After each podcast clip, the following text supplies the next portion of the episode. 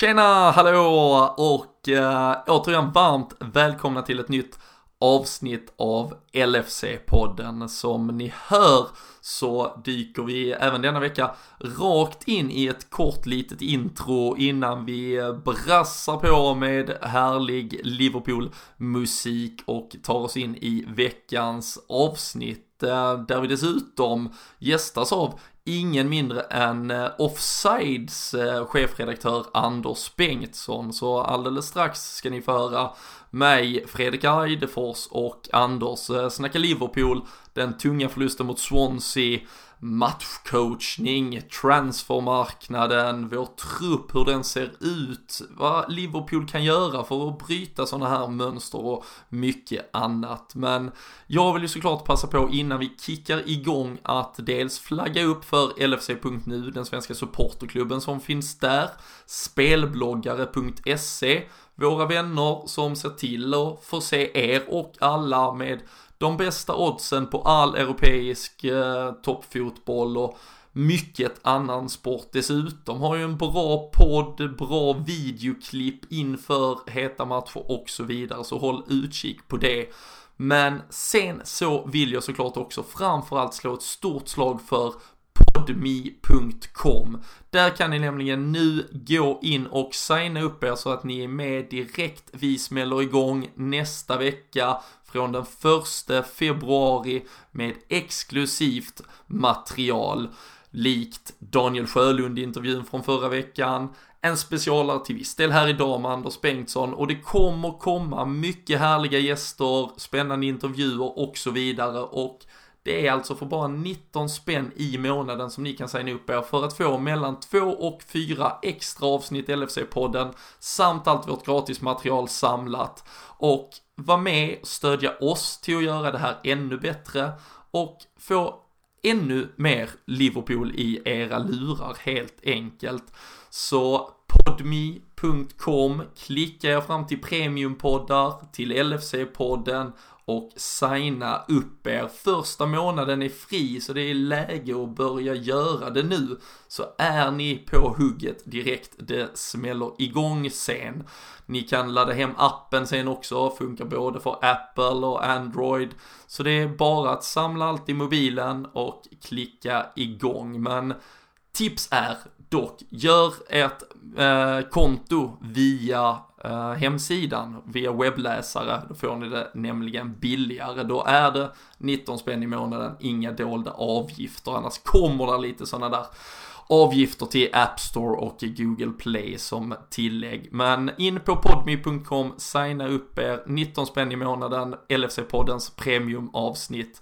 Så hoppas vi att ni får mycket nöje och att vi kan fortsätta göra detta ännu bättre. Men eh, nu lämnar vi över till vår härliga jingel och på andra sidan den så träffar ni mig, Fredrik Eidefors och Anders Bengtsson.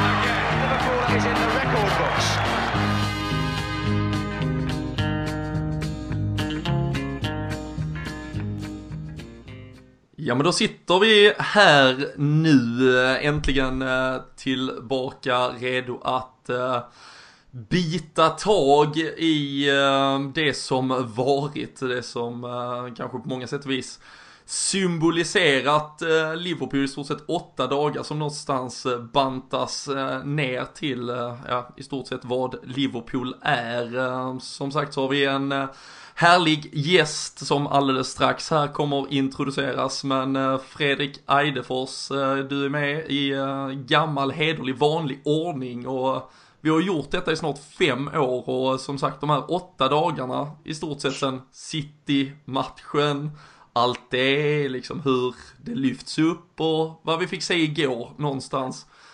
Jag vet inte, är det liksom Liverpool-livet i kompakt form? Ja, men det är det. det vi som sagt, så många gånger vi har suttit här och pratat om samma sak eh, och man är fortfarande eh, inte riktigt förvånad så sett. Men eh, det är skönt att vi i alla fall har med oss någon som vi kan bearbeta detta nu för att det är skönt att få någon annan syn på, på helvetet ibland också. Men eh, samtidigt många gånger det, det är positivt också. Men just den här gången blir det ju ja, som vi har varit med om tidigare. Mm. Och eh, som nämnt här eh, innan vår eh, härliga jingel så sitter vi här idag också tillsammans med eh, Offsides chefredaktör Anders Bengtsson. Varmt välkommen till LFC-podden. Tack så jättemycket, kul att få vara med. Ja, och... Jag har ju lyssnat på er ganska många år. De flesta avsnitten har jag i bagaget. Så att jag vet ungefär vad vi ska avhandla. Liverpool. Ja, fantastiskt. Du, eh, du nämnde själv innan vi tryckte på räck här att det är eh, någon form av terapi eventuellt. Det är kanske inte bästa möjliga läge att komma in annars efter eh, gårdagens resultat. Nej, vi sa ju det Robin, du hörde av dig till mig för en vecka sedan ungefär och då kom vi fram till att ja just det, vi möter Swansea då kvällen innan och då tänkte jag direkt där och det var efter City-matchen att helvete, det kommer att sluta med en förlust och så kommer man sitta och prata om Liverpool i en timme. Det är det sista jag vill göra ofta. Eh, jag försöker verkligen glömma bort Liverpool några dagar efter en förlust. Och, eh, så jag har gått här idag. Nu är det ju då tisdag kväll och jag har känt att helvete ska jag göra det. Men nu när jag väl sitter här så känns det ändå bra på något sätt. Det kan vara lite terapeut terapeutiskt kanske. Ja, nej, vi får väl hoppas på det. Jag såg eh, snabbt i vårt flöde här eh, på Twitter också innan vi satte oss eh, när vi hade flaggat för att du skulle gästa. Att, eh, det var någon som hade kommenterat, du, eh, du kör ju bland annat en podcast eh, i då Offsides regi tillsammans med din kollega Johan och där då kunde, kan ju där ändå finnas lite balans eftersom han har ju inte det här supporterskapet till Liverpool där du då kanske kan få ja, spy ur dig lite galla och sen råda någon sans och bot. Det mm. verkar vara lyssnare som då har hört båda poddarna som känner att här kan det ju vara att det triggas av, eh, ja. av, av mer bitterhet. Ja, just det. Ja, men det är ofta som jag kanske inte alltid direkt pratar om Liverpool i Offsides podcast, men där jag använder Liverpool som någon slags ingång i olika diskussioner. Och ofta så är det ju lyssnare som inte gillar Liverpool som tycker att nu får du hålla käften Anders och sluta prata om Liverpool. Och därför så försöker Johan, eh, ibland när jag börjar prata om Liverpool så avbryter han mig och, och eh, signalerar att vi ska inte göra det här. Så därför känns det skönt ändå att kunna prata eh, inför Liverpool-lyssnare idag. Ja, ja, fantastiskt. Här, eh, här kommer du eh, tala till en publik som bara vill höra mer och mer helt enkelt. Så det är fantastiskt. Här är det väldigt ofiltrerat i den här podden så att det är, ja. man får säga precis vad man vill. Ja, det är bra. Ja, fantastiskt. Men jag tänkte så här att som sagt, jag tror att många eh, som lyssnar på detta har som sagt lyssnat på dig i eh, andra sammanhang, läst dig, eh, vet säkert en del om vad du både tycker och tänker kring fotboll i allmänhet och Liverpool i synnerhet. Men vi tar någon form av litet omtag, en lite så här någon halvklassisk faktaruta med stor Liverpool-touch och sen ett par frågor där egentligen, lite ja, men lite ja eller nej, väldigt korta svar egentligen på dagens Liverpool så man får en bild av var du står i olika frågor här. Mm. Uh, men vi börjar väldigt enkelt med fullständigt namn. Anders Bengtsson. Ålder? 36. Och uh, din sysselsättning uh, idag är egentligen? Jag är ju journalist, sportjournalist och eh, sedan eh, ja, vad är det, fem år är jag chefredaktör då på fotbollsmagasinet Offside. Och eh, Liverpool-supporter sedan när då? Eh, jag har eh, försökt att gå tillbaka till detta och pratat med mina föräldrar men det mesta tyder på att det var 89 faktiskt. och i samband med att Glenn Hysén gick till Liverpool. Och då vill min pappa eh, göra det gällande att jag eh, gillade honom och vi såg på Liverpool en stryktipsmatch. Så det är väl sen dess. Men sen så var det svårt att följa Liverpool eh, på 90-talet. Eh, och så, så att jag kan väl säga att jag har varit en riktig Liverpool-supporter. Man följt dem varje match och läst det mesta som har, kanske är slutet av 90-talet. Mm. Så det är väl en 20 år där jag har varit eh, dedikerad. Ja, sådär med nöd och näppe hunnit missa ligaguldet du också som, som alla oss, alla oss andra. Exakt, exakt, jag har inget alls minne av att jag bara till någon fontän och sådär. Så nej, det, nej. nej det, det, är för jävligt. Mm. Um, du eh, nämner egentligen, du svarar kanske då på nästa fråga, första idol, eh, men kanske om vi eh, sopar undan Glenn Hussein från den mattan inledningsvis, något annan namn och sådär spelare som du minns? Ja, den första jag hade var nog Robbie Fowler tror jag. Eh, men den stora idolen är givetvis eh, Steven Gerrard. Eh, som jag ändå från, ja, från att han gjorde sin debut där mot Blackburn Rovers så tror jag att det var en pikad ungefär med, med mitt eget intresse för Liverpool. Och sen så fick man då följa honom i, i en herrans massa år. Så att eh, det var en ynnest. Men jag ska ta en spelare som inte är den här, om man då ska prata idolskap och sådär. Så en spelare som jag har haft lite mer närmare om hjärtat har ändå varit Xabi Alonso. Han eh, stod på en elegans som eh, inte många andra har haft. Så att det är väl de två i modern tid. Ja, det är ju svårt att inte ha Xabi Alonso nära hjärtat känner jag. Mm. Um, I dagens trupp då, finns det någon favoritspelare? Eh, det är svårt. Jag är inte riktigt den typen som har det längre. Jag tror att jag kanske börjar bli för gammal för att ha en favoritspelare. Men jag säger Firmino då, som jag är väldigt svag för. Ja. Jag såg att det också hade kommit eh, någon fråga här i flödet eh, angående hackkycklingar. Har du någon återkommande hackkyckling i dagens Liverpool-lag? Ja, det är väl ganska bekant att det är kanske Dejan Lovren då som jag återkommer till. Men eh, jag såg faktiskt det här strax innan vi började spela in och eh, någon bad mig då lista tre stycken hackkycklingar genom tiden. Jag skulle säga då Lovren. Glenn Johnson hade jag väldigt svårt för mm. länge. Eh, och Martin Skertel. Det är väl de tre. Och det är väl talande att det är tre försvarsspelare. Ja. Såg ni förresten att uh, matchen igår var första gången på säsongen där varken Mignolet, Moreno eller Lovren startade? Nej, Oj. det tänkte, tänkte jag faktiskt på. Ja. Ganska hemskt att det kanske då är resultatmässigt uh, vår sämsta insats på hela säsongen. Mm. På tal om hackkycklingar. Mm. Um, men annars för att avrunda egentligen den inledande delen här, uh, finns det något favoritminne, någon upplevelse? Vi uh, sorterar ju bort uh, tyvärr ligaguld och Champions League-guldet får man väl ställa någonstans i skymundan också för att få någon form av diversifiering på de här svaren ibland. Mm. Ja, men jag tar nog den där säsongen 2013-2014 eh, matchen mot Manchester City där på vårkanten där faktiskt Coutinho då eh, ju sätter väl, vad blir det? 3-2 eller? 2-3 ja. ja. Eh, på slutet där och det var ju en väldigt speciell match som jag har pratat om i podcasten med den här historien om stubben och så. Jag blev ju så nervös att jag lämnade ju tvn eh, och gick ut i skogen eh, och satte mig på en stubbe och satt där i 20 minuter för mig själv. Eh, och hade bestämt mig, jag ska inte ta upp telefonen och kolla på Viaplay då. Eh, men jag kunde inte hålla mig och precis då i slutet så ser jag då Coutinho när han sätter det målet och då är jag ensam ute i skogen. Och det var en sån här väldigt fint ögonblick på något sätt som jag återkommer till. Ja. Eh, så det, det, skulle jag nog säga. När jag kände att min son hade liksom börjat intressera sig lite grann. Jag visste att han satt kvar hemma och tittade. Och så tänkte jag att nu är han också glad. Ja, fy fan. Ja vi var några stycken som var ganska glada där och eh, då tror jag det var ju uh, hela den våren uh, framförallt mm. var ju man hade ju inte riktigt lärt sig hantera en sån situation sen tidigare så det var, ju, det var ju något nytt att verkligen gå med kniven mot strupen inför varje vecka kändes det som. Jag, mm. jag hade mm. svårt att njuta i ögonblicket. Jag vet inte hur, Fredrik visat ju här och terapitalade men känslan Anders är väl att du är lite likadan, att du gick nog inte att bara studsa runt av glädje under Nej. Nej, det ligger inte riktigt i min eh, personlighet att göra det. Jag ser alltid att ett glas är halvtomt. Ja, nej fy fan. Ehm, jag tänkte också att vi tar ett par väldigt snabba, eh, i stort sett som sagt ja eller nej eller rätt eller fel frågor eh, kring dagens Liverpool så att vi även eh, får skapat den bilden kring ja, men ditt supporterskap och sätt att se på detta Liverpool innan vi dyker ner mer i då dagsaktuella ämnen. Ehm, och vi börjar med att köpa Virgil van Dijk för 75 miljoner pund, rätt eller fel? Rätt. Jag kan utveckla det kanske senare, men rätt säger jag. Du kommer få de chanserna. Att sälja Filip Coutinho i januari, rätt eller fel? Rätt. Starta Mignolet eller Karius? ja, det är väl ändå så att...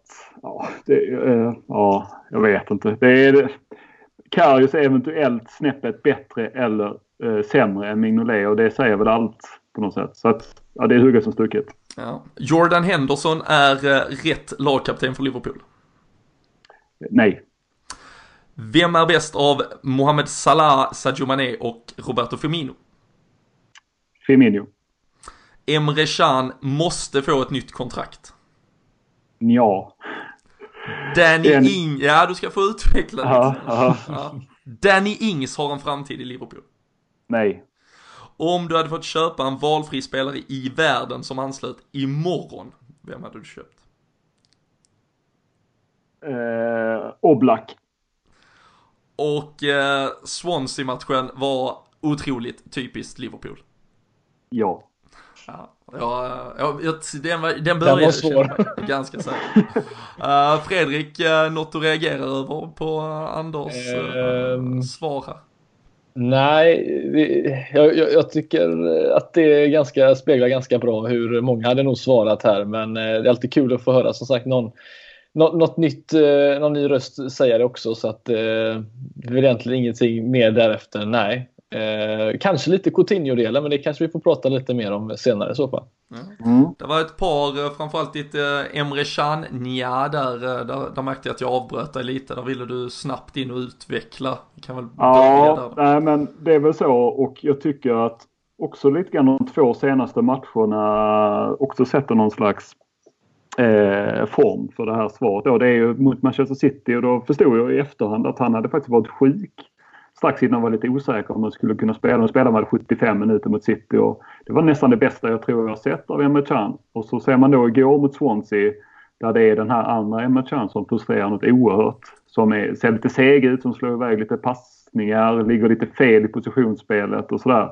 Så att han har ju fortfarande en otroligt hög högsta nivå men också alldeles för ofta en låg lägsta nivå. Eh, och sen då det här, jag är inte så förtjust i eh, det som man håller på med nu, någon slags gerillataktik gentemot Liverpool och där han också håller, håller dörren öppen för Juventus och även då andra klubbar. Jag, jag gillar ju aldrig det här när man inte eh, skriver på ett kontrakt när det presenteras. Eh, sen så kan ju inte vi exakt heller varför eh, han inte gör det. Det snackas ju om det här att han vill ha en klausul, eh, köpsklausul och, eller att han vill ha en bekräftelse från Klopp att han är en startspelare och sådana saker. Men det tycker jag att varför ska han ha det ena, ingen annan har det och Liverpool har en strategi. Och det finns ju inget, alltså det är uppenbart att Klopp gillar Emre Can och att han har fått sitt genombrott där och att därför Juventus och andra stora klubbar är intresserade. Att han ska lämna den här tillvaron när han fortfarande inte har nått sin fulla potential. Det känns vansinnigt. Skriv på i alla fall ett kontrakt till och sen så efter det så kan väl eh, se om han är tillräckligt bra för, för Juventus. Mm. Så eh, det är både och med honom. Ja, och det, och det är framförallt de här delarna, så det, det verkar återigen så kan vi bara tala från vad vi ser utifrån och vad man hör och vad vi kan läsa oss till. Men som sagt, eh, löneanspråket verkar ju inte vara något skyhögt. Vi, vi har ju sett en del hur hur det ser ut, eh, troligtvis inte ens på James Milner nivå. Sen finns det alltid olika förutsättningar till varför kontrakt, kontrakt kan skrivas som mm. de gör och så vidare. Men du nämnde också inledningsvis den här delen med en eventuellt utköpsklausul, något som vi inte ser mycket av i England överhuvudtaget. Eh, vi ser också att i en fotbollsmarknad som totalt har exploderat så betydde det ju knappt någonting i Spanien längre när liksom inflationen går som den gör. Um, mm. Om det är där det står och faller, tycker du att Liverpool gör rätt i att liksom, ja, säga stopp med hela handen här? Tror du man öppnar en dörr som kan vara lite farlig? För det är väl det där jag tycker man märker jag tror att alla är beredda att vilja behålla Emre Can i truppen och i laget. Mm. Sen kan man tycka mer eller mindre om honom som spelare.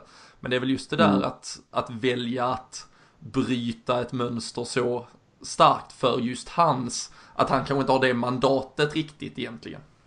Nej, det är ju ett prekärt läge för Edwards och gänget och sådär hur de ska lösa den här biffen. För att det är som du säger, mellan nästa gång som det är aktuellt då. Nu pratas det om att Firmino håller på att diskutera och kommer förlänga och sådär. Och, och jag hörde faktiskt det bara, eller jag läste någonstans att är, vet ni det? Att om det är så att Firmino har en utköpsklausul i sitt kontrakt.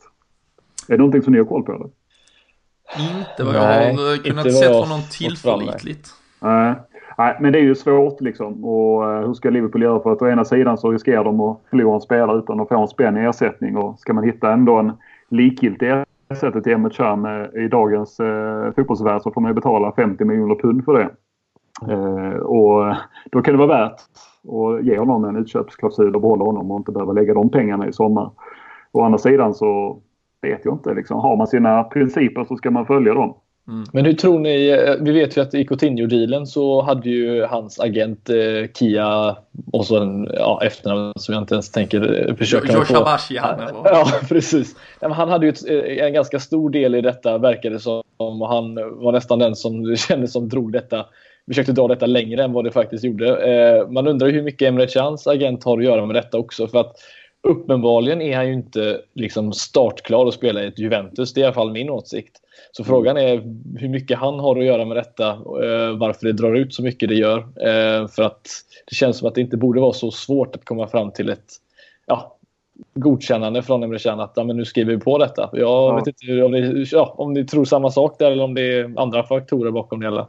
Jag tror så här att eh, Juventus, skulle han gå till Juventus och, och som kontraktlös då i sommar så får han för det första en rätt rejäl slant i sign-on bonus och den tillfaller ju då en viss procent. Skulle gissa att det kanske är en någonstans mellan 5 och 8 procent till en agent. Eh, förlänger han sitt avtal med Liverpool så får ju inte agenten de här 58 procenten på den här summan som bör vara rätt så stor.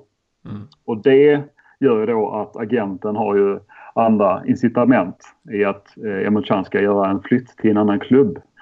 Och det menar, nu verkar Emre Can vara en, eh, vara en kille med huvudet på skaft och sådär som inte svävar iväg och sådär. Eh, så att, men samtidigt så har han en agent som han litar på och som han kanske ändå blir lite påverkad av så kan det säkert spela in. Mm. För det är ju faktiskt få som behöver få den diskussionen det här med att han ska ha ett ja, känna att han har förtroendet och att han är en garanterad startspelare. Det finns ju, ser man i någon form av vågskål där liksom talangen och prestationen ska mätas mot förtroendet man faktiskt har fått av Jörgen Klopp. Det är ju kanske Emre Can den som har fått Ja, men man kan nästan argumentera för att han har fått mest förtroende. Han, han startar ju i stort sett varje gång han är redo att göra det, eller har gjort på senare tid i alla fall, trots den situation som har uppstått. Det är klart det har varit en konkurrenssituation mellan honom och Jordan Henderson i stunder, men det har också varit ofta att båda två har spelat och Ja, det känns ju verkligen som att han bör känna ett otroligt förtroende i Liverpool i alla fall. Så det är mm, nog inte där det kommer stå att, eh, och falla till slut i alla fall. En sista sak där med Emre Can. Det känns ju också någonstans. Hade jag varit Emre Can så hade jag i alla fall velat ge det en säsong med Keita. För att den typen av eh, central mittfältare som Keita kommer vara eh, har inte Emre Can fått spela med i Liverpool. Det är ju så långt ifrån man kan komma från Henderson och Wijnaldum och Lalana till och med och Coutinho när han gick ner och spelade centralt och sådär. Han har inte varit i närheten av detta Emre Can. Eh, och spela med den här. Liksom, han kanske såg gamla klipp på Steven Gerrard som hade lite av det Keita, den här genomslagskraften och med fart och, och tvåvägsspel och sådär. Eh, och det tror jag kommer att göra att Emre Can är en bättre spelare om han får ha Keita fram, strax framför sig. Så att det hade jag varit rätt sugen på att testa. Ja, verkligen. Och eh, nej, det känns ju som att det kan bli skulle kunna bli hur bra som helst i alla fall så vi får väl mm. eh, hoppas eh, på det. Um, men eh, annars på tal om eh, mittfältsinsatser av olika kvalitet Fredrik, vi kan väl försöka ta oss tillbaka ganska exakt 24 timmar. Vi sitter ju som sagt här tisdag kväll och um, igår så hade man ju alltså gått och väntat och väntat och väntat. Eh, någonstans liksom bara tryckt undan tankarna om att den där City-matchen var den där höga toppen och att vi mycket väl kunde eh, tryckas ner i den djupa dalen. Eh, vi ställde upp med ett lag som man på pappret egentligen kanske initialt inte kan klaga mycket på. Kändes som att visst, det finns ett par 50-50 på till exempel högerbacksplatsen, målvaktsplatsen, men annars vårt bästa lag och eh, som sagt, det här, det vi fick ut var i stort sett så lite som bara möjligt egentligen. Ja, nej, jag håller med. Det är absolut det, det bästa laget eh, sett till förutsättningar man kan ställa upp. Jag tror det var länge sedan jag satt och såg och tänkte att det här är, det här är optimalt för den här matchen. Kanske som du säger att, att en Trent Alexander-Arnold passar bättre in sett till att det, vi visste att vi skulle ha bollen mer än Swansea. Men Ja, att det kan svänga så här när, det, när Liverpool spelar fotboll, det, det, vet vi ju. Men att det kan gå nå en sån här botten som det gjorde igår, det, det slutar man nästan aldrig förvånas över. För att det, det är svårt hur, hur ett lag som, som liksom bygger mycket på energi ska ja, kunna gå och göra en sån här plattmatch bara några, liksom en vecka senare efter det man har gjort. Det, det får en att fundera lite men samtidigt så ska man inte ge, ge allting ifrån Swansea eller som sätter upp sitt lag precis så som man ska göra. Och det, de gör ju inte mer än vad de borde göra heller så det är lite cred till dem också men fortfarande förvånad över hur eh, Klopp inte har ja, lärt sig av sina misstag helt enkelt. Det finns ju två saker för det första som jag tycker är ganska intressant kring det. Dels den ligger egentligen lite öppen för er, er båda för vi vi pratar om den här eh, kanske glaset eh, halv, eh, halvtomt alltid. Man har, ja, man, man har blivit lite luttrad genom åren. Men samtidigt, fan, alltså man började surra lite kring det här i veckan att det skulle vara så typiskt Liverpool efter City och åka hit och förlora. Jag måste ändå säga att jag som lever i den känslan jävligt ofta, här någonstans kände jag att Ja, fast vi, nu är vi så pass mycket bättre. Jag vet inte, Anders, som sagt, du, du delar uppenbarligen negativiteten eh, i, i stunder, men kände mm. du att den här förlusten faktiskt kunde ligga där runt hörnet? Ja, eh, man lurar ju sig själv lite varje gång och man lär sig aldrig riktigt eh, sin läxa så efter just en City-match och man känner att jag har haft en svit nu där vi inte har förlorat på ja, vad blev det? 15? Ja, 18, 18 totalt alla tävlingar. Ja, just det. Och någonstans så kände man också att ah, försvaret har blivit lite bättre. Man såg att van Dijk skulle starta och kände att ah, men fan, det ska ju inte vara möjligt att göra det här, eh, den här plattmatchen.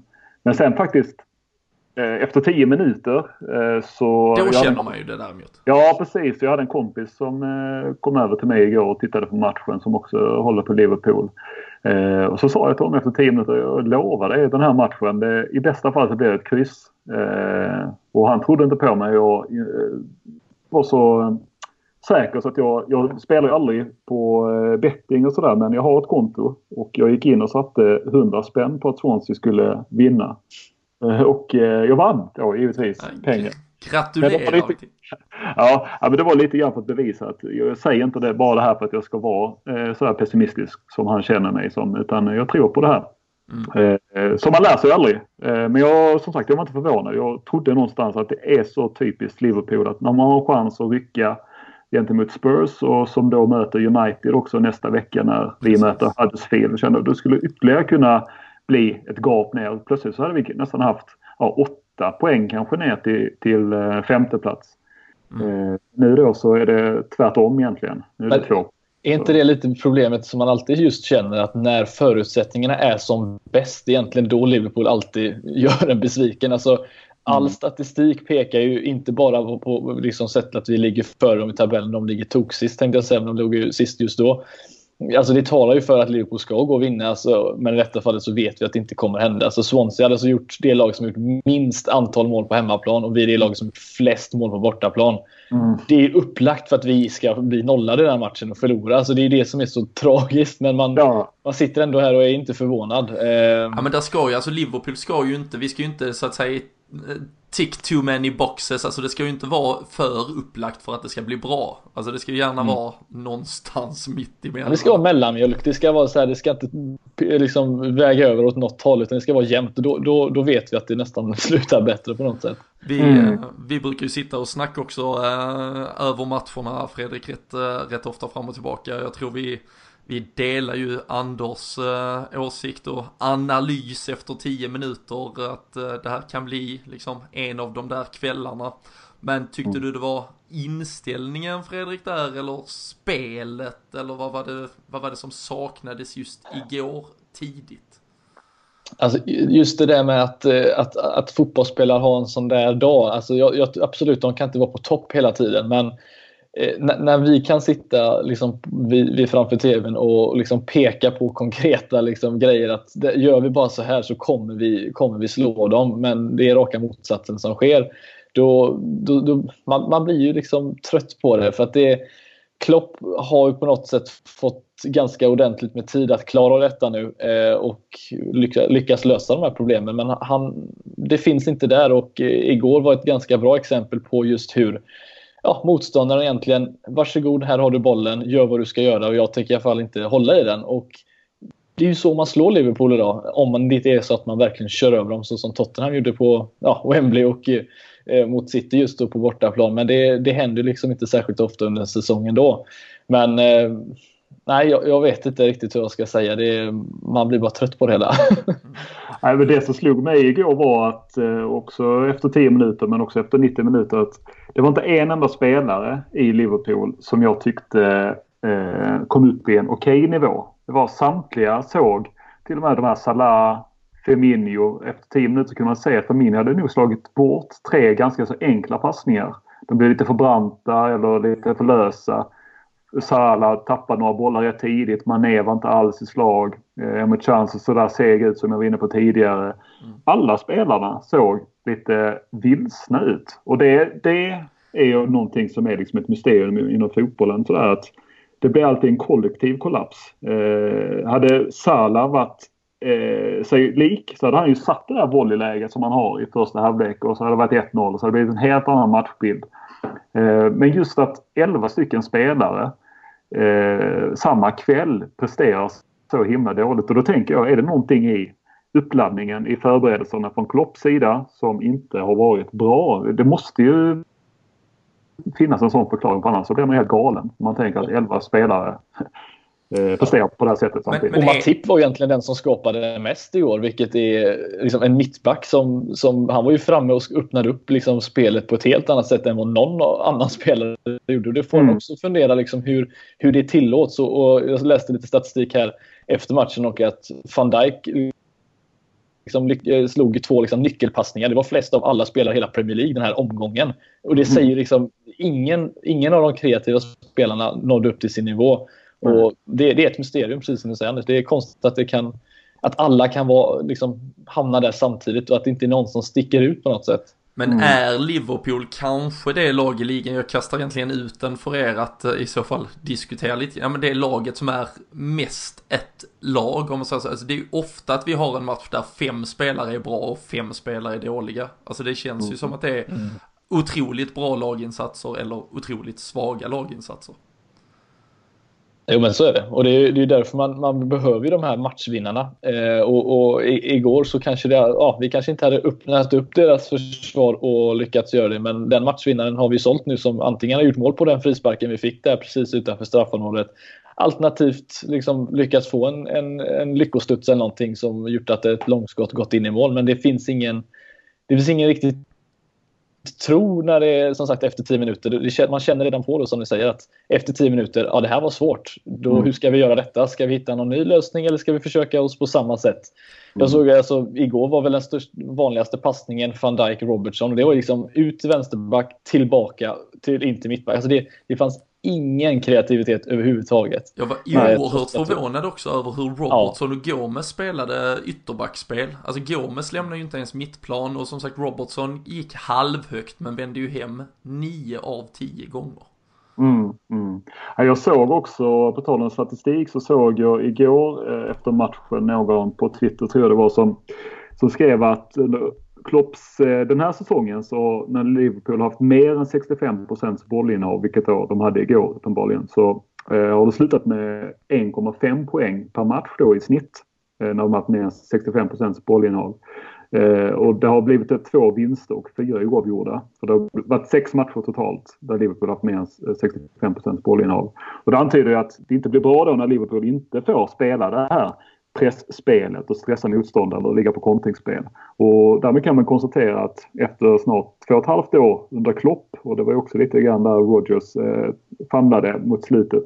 Så har man inte löst det här problemet och nu har man då sålt Coutinho som var kanske den spelaren som ändå det var lägst odds på att han skulle kunna slå en avgörande passning eller sätta en frispark. Så att man har inte förbättrat eh, oddsen framöver för att möta de här lagen som backar hem då med 10 pers. Och det ska man säga, redan efter 10 minuter så kände jag också det att visst, vi möter många lag som backar hem otroligt mycket. Och så här, men Swansea igår var något i hästväg faktiskt. Det var, de hade ju sin mest offensiva spelare låg ju 5-6 meter ibland bara framför deras eget straffområde. De hade ju inte en enda gubbe kvar som försökte pressa van Dijk eller Matip de kunde ju liksom... Nej, de vandrar ju förbi mittcirkeln till och med. Ja, utan ja, ja, utan problem. Men eh, det, är ju, det är ju liksom den ångesten man kommer ha, tror jag, under Klopps alla år. Förhoppningsvis var han kvar i många år till, men jag tror aldrig att vi riktigt kommer lösa det. För att han hade ju inte riktigt det i Dortmund det heller, om man ser tillbaka på när de eh, mot slutet då när lagen eh, hittade en formel för att stå emot pressspelet och sådär. Mm. Så han löste ju inte riktigt det där men, heller.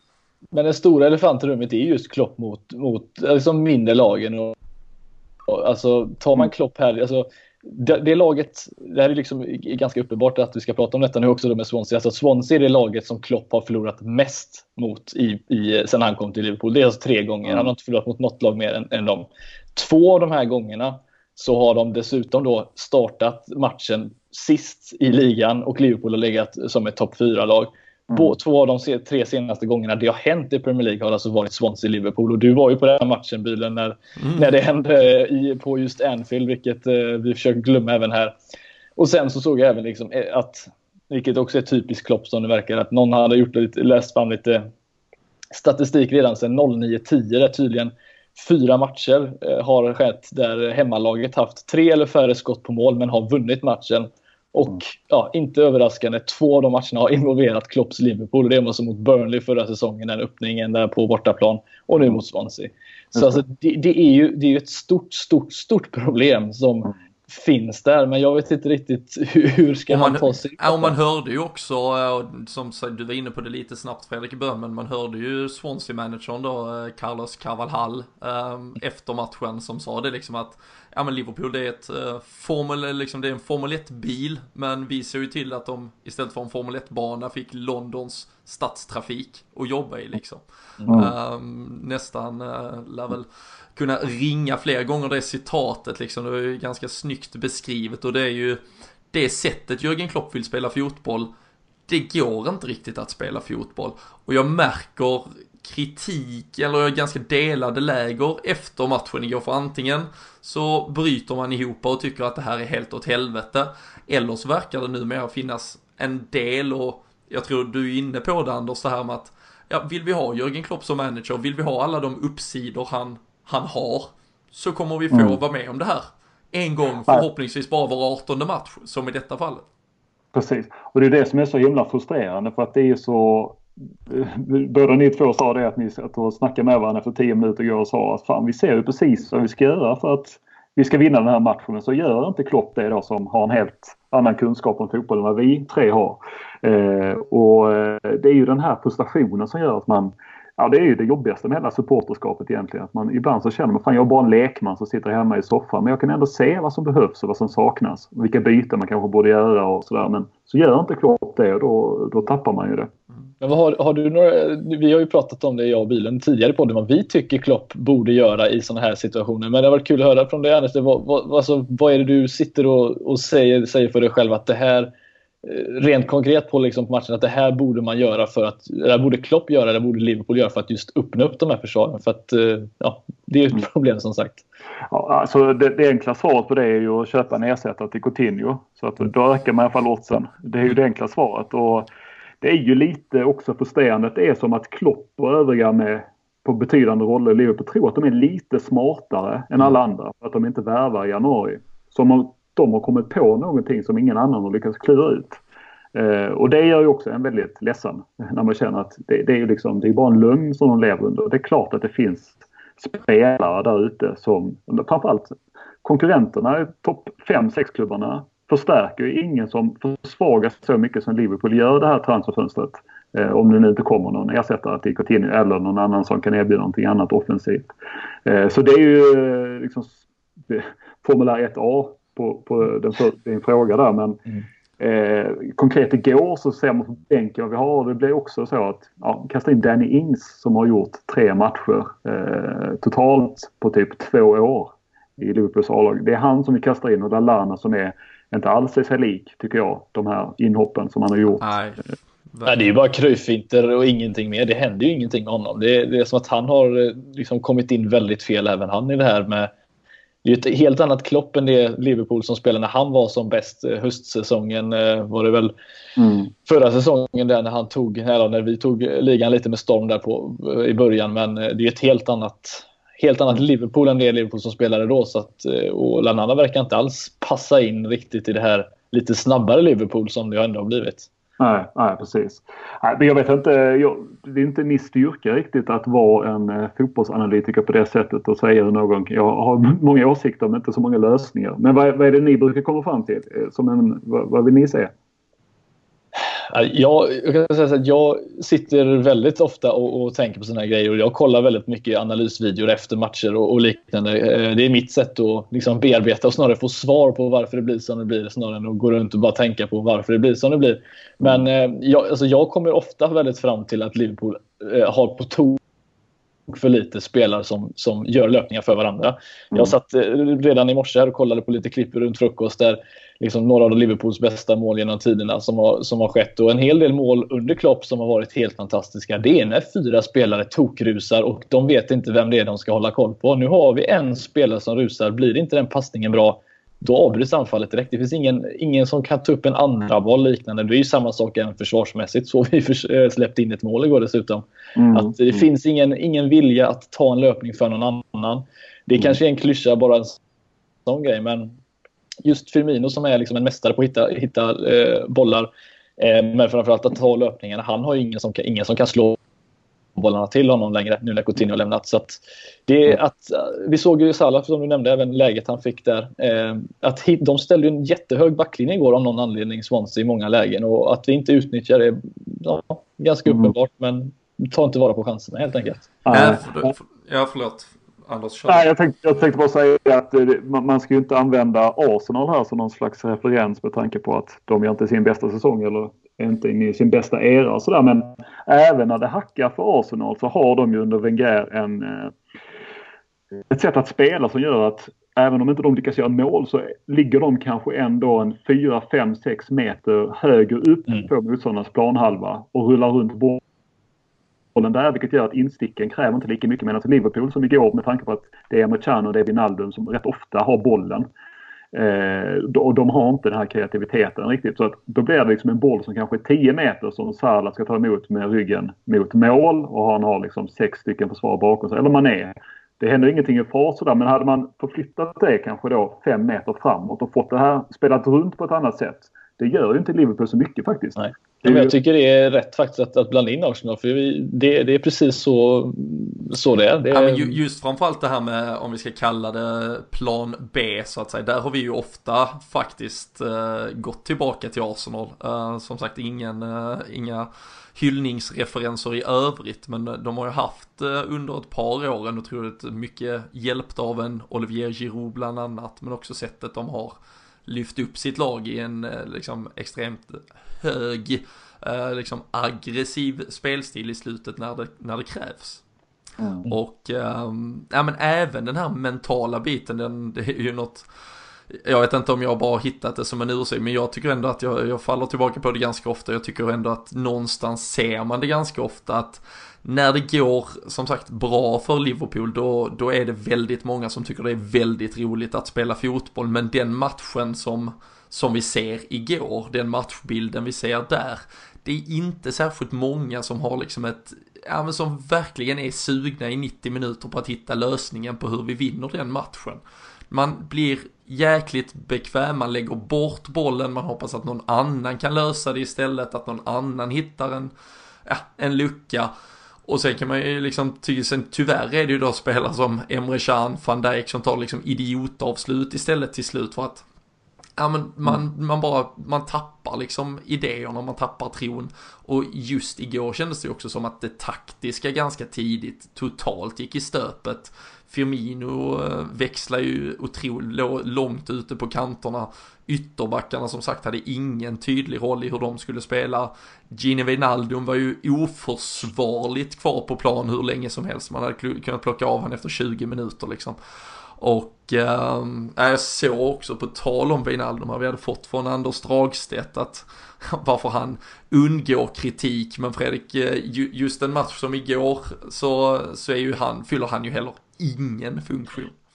Nej, alltså det kanske är taskigt att säga, men vi spelar, det är, det är som att spela med en man mindre på plan. För att han tillför absolut ingenting. Och man, man vill som sagt sitta här ändå trots allt och, och kunna vara liksom hitta några, några ljusglimtar här och där. Men jag vet inte riktigt vad som har hänt med Wijnaldum. Vi satt ju och pratade om honom förra säsongen om att han var en av de absolut bästa spelarna. För där var han en link-up eh, liksom med i ganska många anfall. Trots att han kanske inte stod för just den sista assisten då, men kanske mer en hockeyassist i det hela.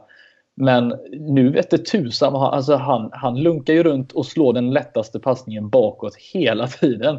Och, och tar man då som vi pratade om och just jämför med Arsenal, skulle han gjort ett arbete likt, ja, men ta en sån som Ramsey till exempel som får väldigt mycket skit av Arsenal-fans.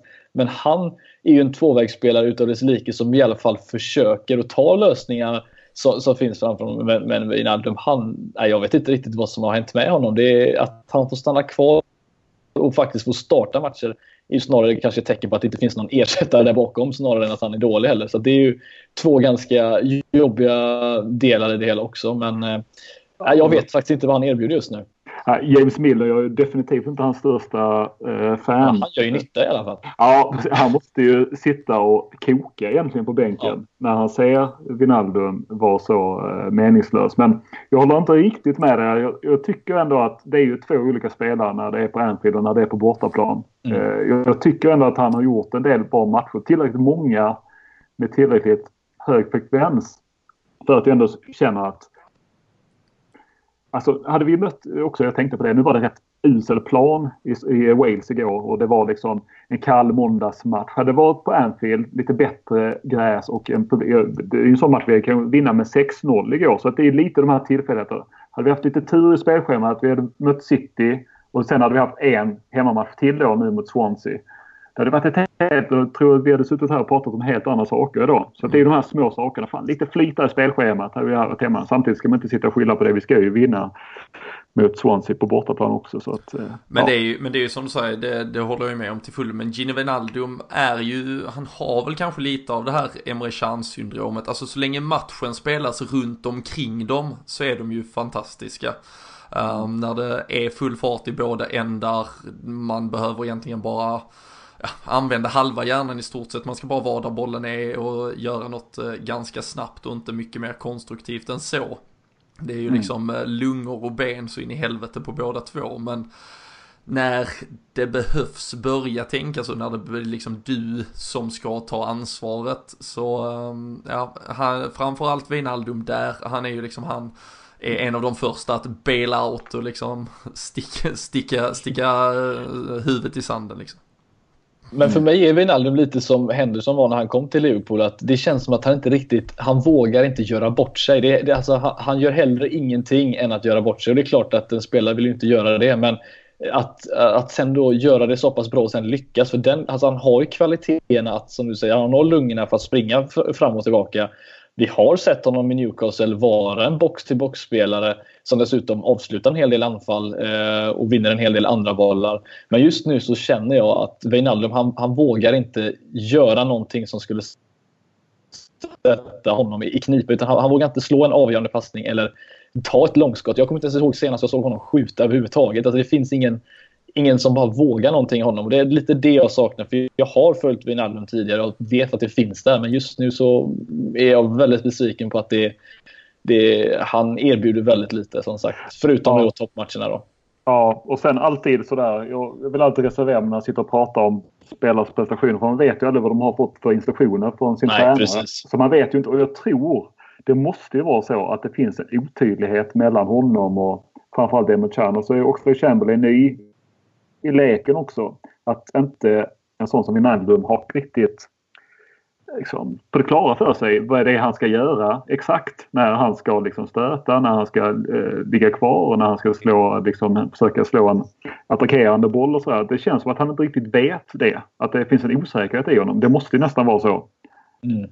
Jo, men alltså, jag, för, för, när jag ser honom, jag, alltså, när jag spelade fotboll, som sagt, återigen inte samma nivå, det har vi redan gått igenom de här fem åren när jag spelade äh, i, i den här podden. Men jag hade alltid en lagkamrat som var, han, nu är inte jag världens Rigan liksom, mittfältet, men han var den här snälla mittfältaren som han vågade inte göra, liksom, han lät heller någon annan göra det. Han var liksom den här snälla killen som inte ville liksom vågade ta på sig något ansvar. Och just, jag ser så mycket Wijnaldum i det hela för att han, det känns som att han på något sätt bara skitsamma, nu gör jag detta. Jag skiter i att Emre Can inte har sagt åt mig att göra detta. Men jag vill bara se honom ryta ifrån och göra någonting. Man ser aldrig det från Wijnaldum. Det finns där. Men mm. nej, jag vet inte riktigt. Eh, det kanske har att göra väldigt mycket med det som du säger att han har, det är fel instruktioner. Det är någon form av misskommunikation däremellan. För det känns som att han inte riktigt han vet inte riktigt vad han ska ja, följa för instruktioner för det finns ingenting därefter känns det som.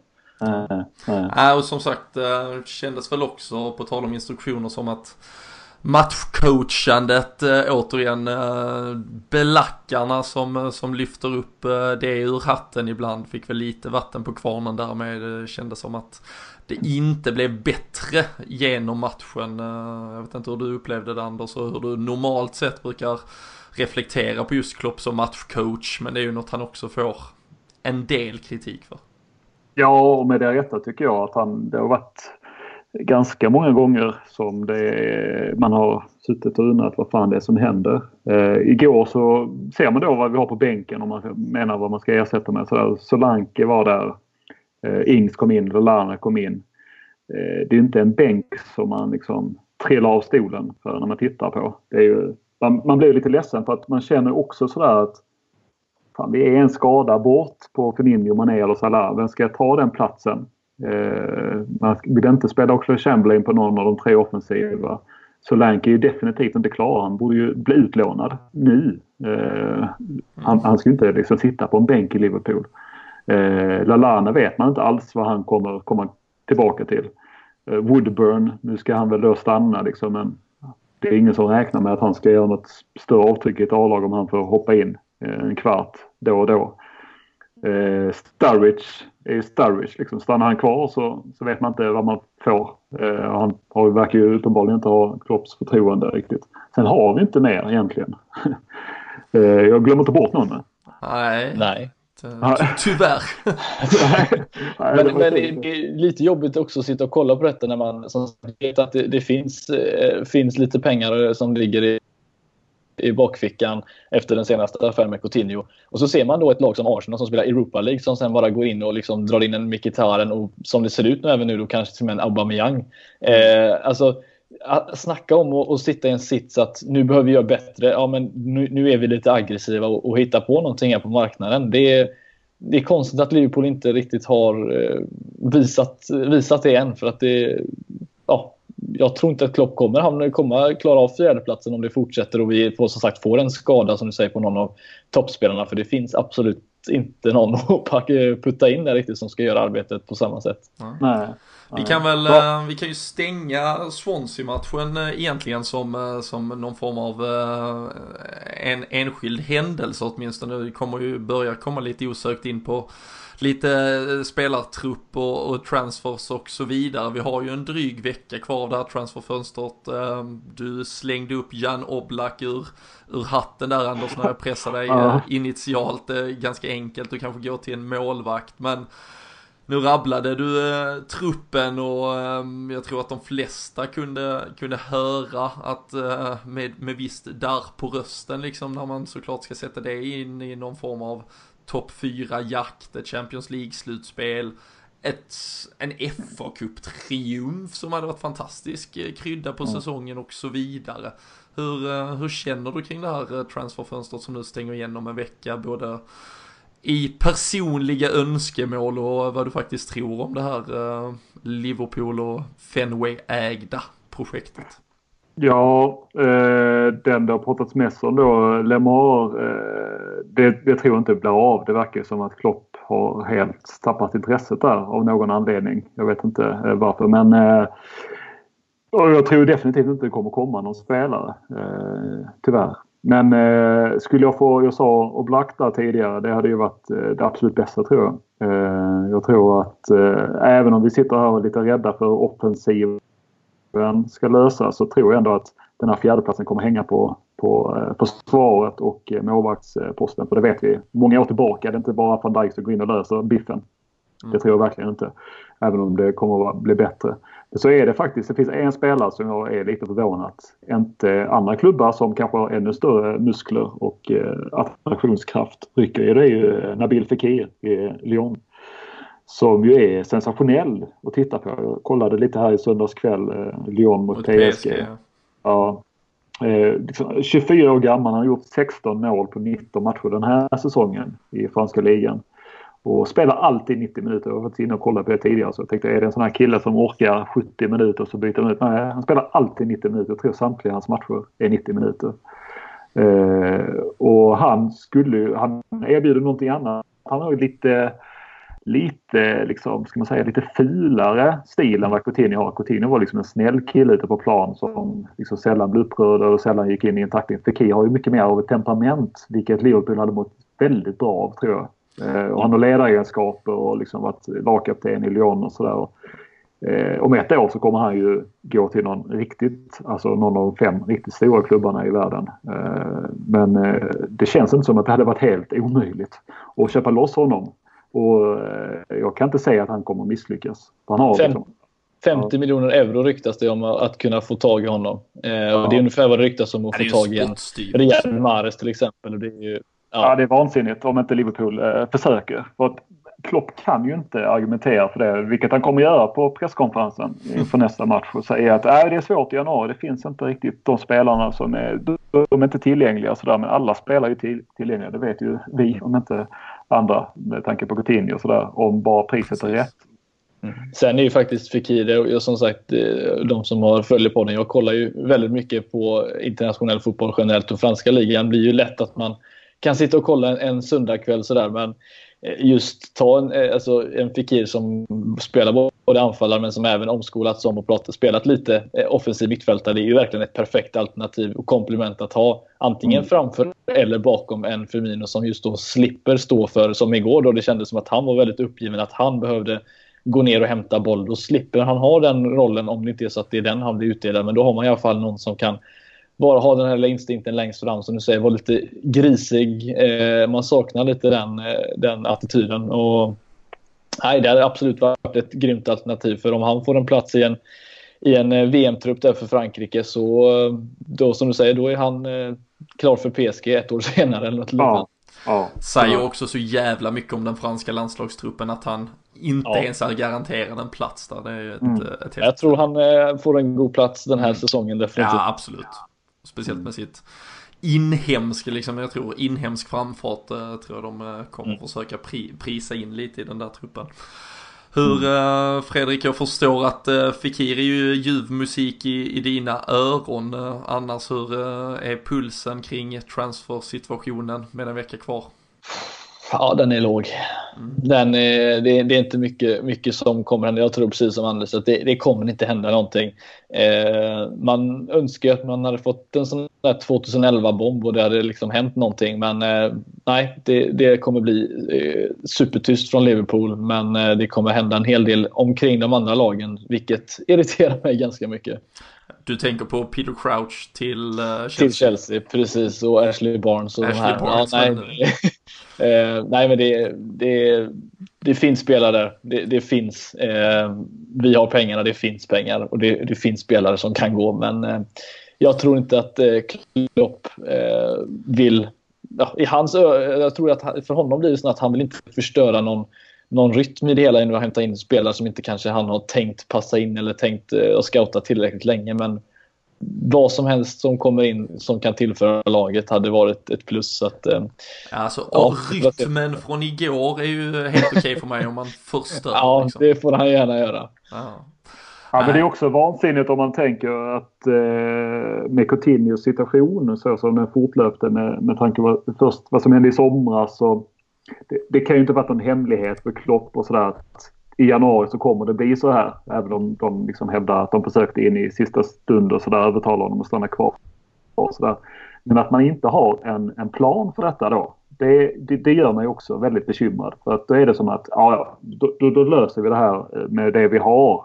Eh, det är liksom en inställning som man inte kan ha på den nivån tycker jag. Där måste man ju ligga liksom därför ett steg före att nästan ha en ersättare innan man släpper Coutinho och har det som villkor till, till Coutinho. Vi måste få loss den här spelaren om du ska få gå. Det måste du förstå. Annars så riskerar du liksom en topp 4-plats och sådär. Det, det, måste man kunna sätta hårt mot hårt i sånt läge. Men Liverpool har varit snälla och det är ju liksom en tradition som Liverpool verkar ha. De är lite för snälla när det verkligen kommer till eh, Ja, för det, det, känns ju, det känns ju som två otroligt dåliga alternativ här. Och det ena är ju att Alex Oxlade Chamberlain var den spelaren. Eller så fanns det absolut ingen plan. Mm. Och eh, det är ju som sagt ingen av vägarna man gärna vill se sin klubb vandra kanske. Och eh, det är ju svårt, vi har ju suttit här som sagt, vi har ju klämt av ett, ett par år och därmed ett par januarifönster. Och vi har ju vid flera tillfällen, som sagt 13-14 säsongen, då var det väl snarare ett januari där man kände, ja, få in den där sista en eller två spelarna så kommer vi verkligen utmana om guldet. Det har varit de här Champions League-utmaningarna ett par av de senaste säsongerna. Och eh, ja, men nu igen här då liksom är det ett Champions League-slutspel. Um, vi är som sagt vi är kvar i FA-cupen, det är FA-cup som väntar till helgen och uh, ja, men på en fjärde plats nu med ett Tottenham då visserligen bara två poäng bakom nu och var någonstans, uh, hur känner du där Anders det här med att att nöja sig, för det är, det är mycket möjligt trots att vi ska liksom inte måla fan på väggen och säga att ja, men Liverpool, vi kanske kan ta oss förbi Porto och åka ut i kvartsfinal i Champions League, vi kan bli topp fyra och ja men FA-cupen blir väl vad det blir. Det kan vi nog mm. faktiskt göra med det här laget. Och, ja. vet, liksom, är det, kan vi då liksom stänga igen det där, ja, men, och så satt nog gnällde i januari, se vad vi, hur bra det blev liksom. Mm. Har vi liksom, ja, men... har vi sjunkit för långt ner på liksom den här liksom, jag vet inte, målmedvetenheten är det, det vår självbild känns, ja, tråkigt nog inte som att vi vill utmana i den absoluta toppen. Nej, och ser man på förutsättningarna, vi ska ju inte kunna göra det. Man ser hur mycket pengar City och eh, United framförallt spenderar. Och, och eh, ser man lönemässigt var vi ligger någonstans i hierarkin och vad man ser vad vi köper och säljer spelare för så, ska vi ligga ungefär där vi ligger nu. Så att eh, Jobbar man så rationellt så, så eh, ska man inte kanske ha så mycket större förväntningar. Jag tror inte Liverpool kommer aldrig vara den klubben som agerar som United City Vi har ju verkligen varken ägarna till det eller liksom traditionen. Och jag hade inte velat vara den klubben i ärlighetens namn. Jag, jag vill inte vara den klubben. Jag, jag gillar på något sätt att Klopp tror på att utveckla spelare snarare än att köpa spelare och sådär. Men samtidigt så nu har jag varit i klubben i två och ett halvt år och man kan bara utveckla en spelare till en viss gräns. Det, det måste man känna efter två och ett halvt år. Mm. Eh, och därmed så måste man då hitta ersättare som kan göra jobbet bättre och som har en bättre potentiell utvecklingskurva och så. Eh, så att, eh, och jag känner ju själv sådär att nu är ju Swansea, den ligger som en blöt filt över allt som man säger. Men man känner ju själv då att Klopp den här säsongen, även om det inte liksom sprakade hela tiden i höstas och vi har haft ett, en del kryss och sådär som man kanske hade velat radera ut och så. Så har det ändå känts som att vi har gått lite liksom utvecklingskurvan gått lite uppåt hela tiden. Och att långsamt men, men lite säkert ändå så har Klopp börjat forma sitt lag och så. Eh, och det, det har känts positivt men just nu så känns det som att vi, vi är väldigt bräckliga. Vi har en rätt tunn trupp. Eh, om man ser till om våra bästa spelare skulle försvinna bort en eller två månader. Och eh, det tycker jag inte är... Man behöver inte ha större plånbok än att man eh, hittar i alla fall någon spelare som kommer in och, och eh, konkurrera med lite de som redan finns där nu. För att Salah, Firmino, Mané också, de är så himla självskrivna så att de känner att det kan komma... Nu verkar ju inte någon av de tre vara den typen av personligheter och så men rätt som det är så släpper de 5% att de vet att jag, jag, spelar ju när det är en viktig match. Så det spelar ingen roll vad jag gör på träningarna. Mm. Det finns ju den där risken. Kommer det in en, en, ny person som i alla fall nosar på, på den här eh, platsen som någon av de tre har så, så höjer de sig också. Ja, där finns ju, där finns ju ingen risk som sagt att, alltså, att någon av dem petas just nu. Nej. Alltså vid, vid i alla fall liksom halv, så länge de är halvfriska så, så startar de ju i stort sett. Vi mm. eh, såg också lite vattendelning kring eh, Danny Ings här igår efter matchen. Jag, eh, jag, jag, jag twittrade i något sammanhang kring att, ja men det, snarare egentligen med just den här med, med hänsyn till att han är ett alternativ. Det var någon som tyckte, ja men ge honom chansen, han har precis kommit tillbaka och så här. Men, det, och det känns också lite Liverpool över det för att det är lite social verksamhet nästan. Alltså, det har väl varit tillräckligt snällt av oss att låta Danny Ings få göra sin rehab i Liverpool, men varken han ja. eller Dominic Solanke just nu. Sen är ju det såklart en framtidsman som vi hoppas kunna kräma mycket ur. Men eh, vi håller ju John Flanagan ett helt annat sidospår jag inte kommer att ja. gå in på idag.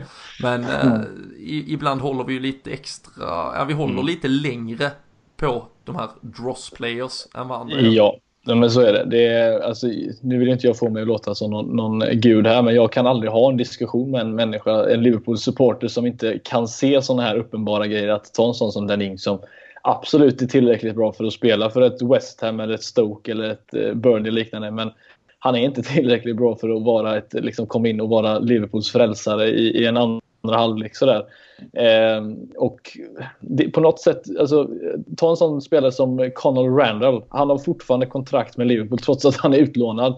Alla mm. andra lag hade gjort sig av med en sån spelare. Alltså, det finns ingen, ingen anledning av att låna ut spelare som inte har någon framtid. Eller liksom, jag, Liverpool måste vara en mästare på att hålla kvar vid sådana spelare. Jag kan inte förstå, jag kan inte tänka mig ett annat lag som som gör så bland topplagen? Eller kan ni göra det? Nej, Nej jag vet inte hur... Ja, det är väl Chelsea fast de har alla i Vitesse. Men de har ju bra spelare. Alltså, kolla vilka spelare de har gjort sig av med. Alltså, ta en sån som Lucas Piasson som var en supertalang som kom upp som inte då fick chansen men som nu har gjort bra ifrån sig i, i andra lag. Det är ju en spelare de har haft utlånad. Han hade kunnat varit ett alternativ för oss. Mm. Men alltså, Chelsea har ju spelare som lånar ut som är tillräckligt bra att gå in i många andra klubbar. Men alla spelare som vi har som inte är tillräckligt bra, de är ju Championship-kvalitet på dem. De håller inte högre klass än så. Nej, Ryan, Ryan, Ryan, Kent är ju en annan sån där som man vet. Han kommer ju aldrig bli en eh, A-lagsspelare i Liverpool. Det kommer han ju aldrig bli. Men Nej. ska han lånas ut efter att det inte lyckades alls i Freiburg. Ska han mm. till något nytt nu och, och kämpa på. Ja, det är, det är underligt alltså. Ja, och det är samma med Woodburn när man ser hur nära det var att han verkar ha gått till Sunderland. Nu var det väl då Klopp ändrade sig, vilket man då känner att han ändrade sig enbart för att han har bestämt sig för att inte värva någonting annat och då behöver man ha honom om det skulle bli skadekris. Mm. Och det är ju deppigt att, att, tänka. Men också när man diskuterar med, okej, okay, Woodburn är en stor talang. Vi tror mycket på honom. Då ska vi låna ut honom. Så tittar man lite, vad har vi? Ja, vi väljer Sunderland då. Det är kanske den, en av de mest dysfunktionella klubbarna i hela världen.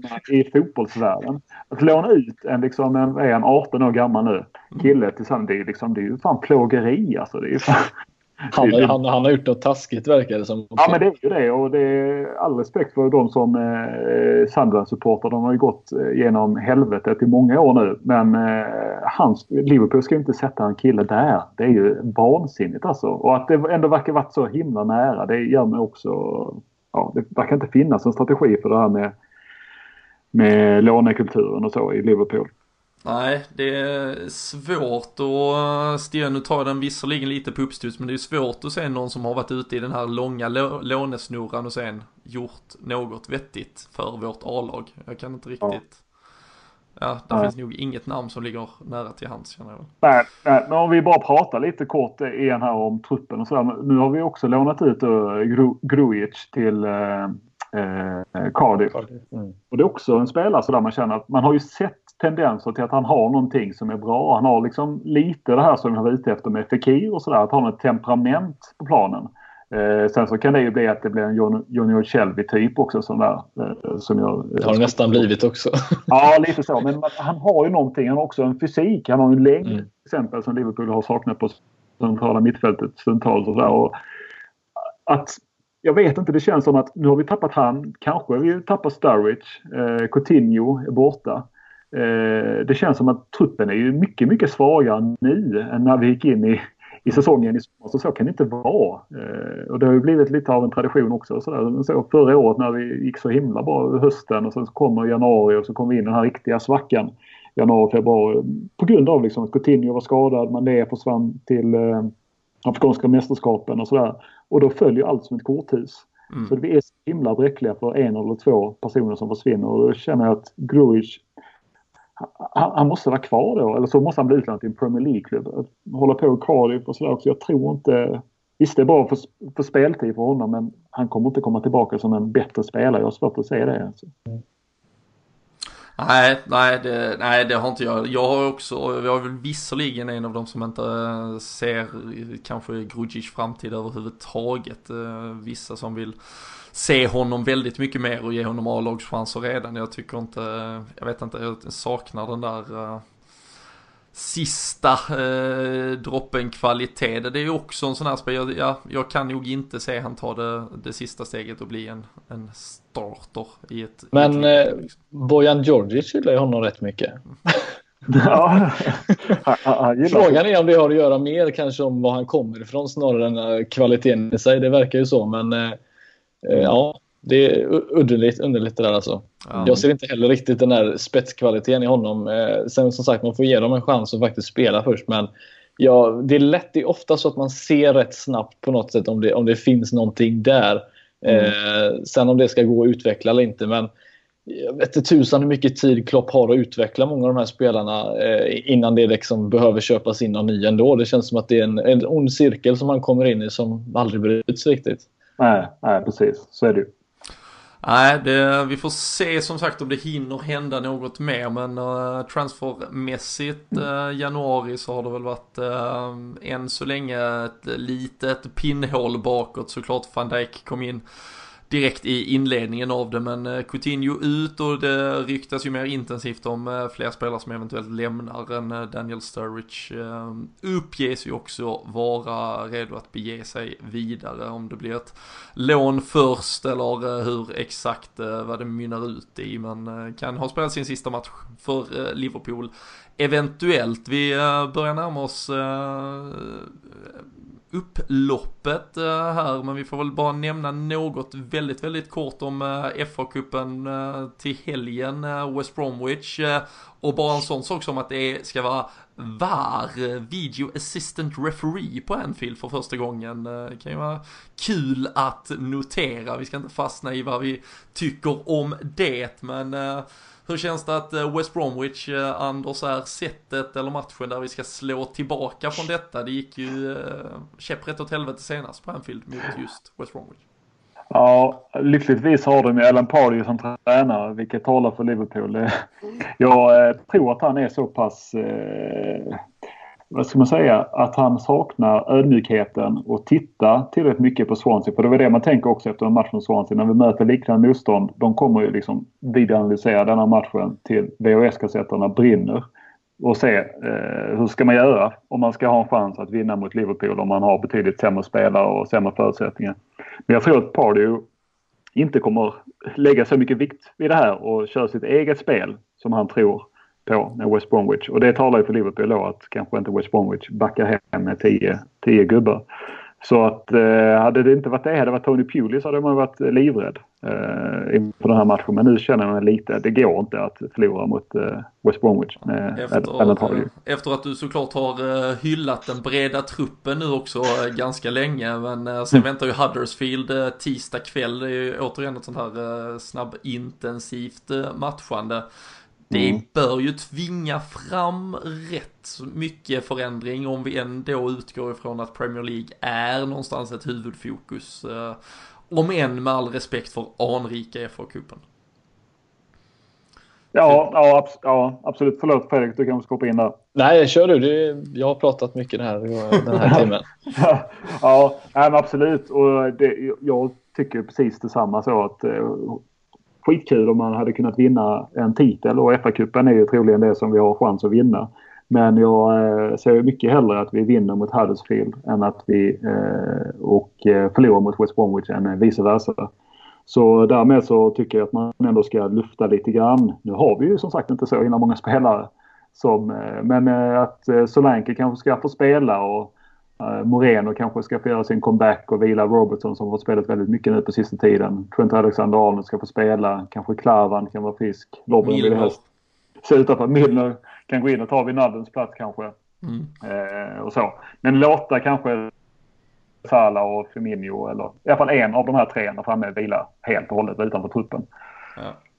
Eh, Fredrik, eh, hur känner du? Är det med rädsla eller blir det ett eh, Liverpool som på samma sätt som man då kunde vänta sig det här lilla bottennappet kan vi få vänta oss en rejäl väckarklocka och tillbaka slagning? Alltså, jag är väl snarare raka motsatsen mot Anders när det kommer till Alan Pardew. Jag är livrädd för sådana tränare som man har suttit och hånat tidigare. Att de ska just komma och göra det som, eh, som Swansea gjorde just nu. Eh, att de ska komma, att man sitter där självsäkert som jag äntligen är inför en sån match mot West Bromwich. Men det finns ju inget osexigare att gå från en förlust mot eh, Swansea och sen möta West Bromwich senare. Det, det kan jag inte säga. Så att, eh, jag är inte fullt lika optimistisk. Eh, jag tror definitivt inte att vi förlorar visserligen, men jag, jag har svårt att se att det inte kommer bli något annat än en riktig grisig 1-0 match i, i bästa fall. Mm. det är som, ja, det, men det är, som, det är ändå trots allt på Anfield. Nu ser jag här att det är en lördagskväll. Alltså det är 20.30. Mm. 20.45 avspark en lördagskväll. Det är ju spännande att se hur Anfield eh, beter sig då. Mm. Mycket gäspningar på det kan jag gissa. ja, jag vet inte. Kan vara ja. en och annan innanför västen också, så det kan ju vara positivt. Det är tänkbart, ja. ja. Men och vi får se om det blir eh, läge då för någon eh, VAR-bedömning också. Eh, kan ju vara intressant. Nu har jag faktiskt inte huvuddomaren framför mig, vem det är som dömer det. Det känns ju som Mike Dean är det ju inte lönt att köra VAR på. Han hade ju tagit egna beslut ändå liksom och skitit i det. Men, jag kommer köra en varv på när Rondon sätter 3-0. Var det, var det offside eller inte? ja, fan. Då, mm, då, då sitter vi där och diskuterar det nästa vecka kan jag tänka mig här. Men äh, tusen tack till äh, Anders äh, för deltagandet här idag. Fantastiskt att ha dig med. Stort. Äh, Får jag bara slänga in en snabb grej? Det hade varit kul nu när Anders ändå är med att om han kan få breaka någonting som kommer hända. Du brukar ju alltid göra den äh, när det kommer till transfer. Så om Anders får breaka något som kommer hända innan transferfönstret, vad händer då? Ja, vi har faktiskt två gånger varit... Du körde väl Nabi Keita-breaken i somras? Ja, precis. Och eh, där har jag faktiskt eh, lite ingångar. Eh, och jag visste att det skulle bli så. Eller, ja, det låter sjukt att sitta och prata om det. Och eh, det enda jag kan säga där, det är inte kört med Keita i januari. Det är inte det mm. trots att det kommunicerades ut eh, officiellt att eh, det inte blir någonting. Eh, så jag kan säga den andra saken som jag breakade var Benteke faktiskt. När han eh, gick till Liverpool. break! Ja, ja den var jag tidig med också. Ja, eh, så att jag har ingenting annat förutom att det är inte helt kört. Men det, det är inte så mycket som talar för det. Men det är inte helt kört. De har inte helt stängt dörren. Bättre än Robin och Victor Valdes då i alla fall. Ja, Victor Valdes. Uh, Higuain har vi väl också hunnit uh, breaka vid något tillfälle. Nej. Vi, eh, det lämnar vi däran, men jag tycker alla lyssnare ska ta med sig halmstrået här, gripa det och hålla det hårt i handen eh, sista veckan här under transferfönstret. Eh, Naby Keita kan alltså kanske ja, från. Vi taggar dig på Twitter sen så alla vet att vi ska skicka ja. när det inte blir av. Absolut, absolut. Nej, men eh, alldeles eh, fantastiskt. Som sagt, ett eh, stort tack Anders, Fredrik i vanlig ordning. Stort tack till alla er som har lyssnat där hemma.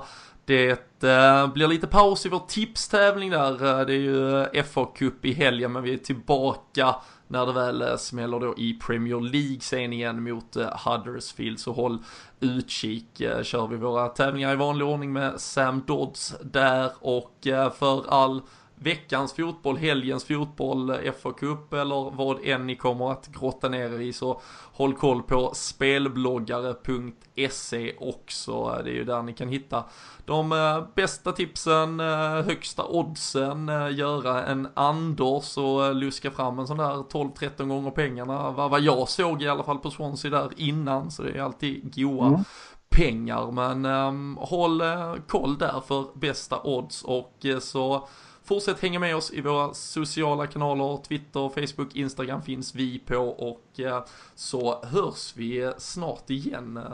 Tack allihopa! Tack själv!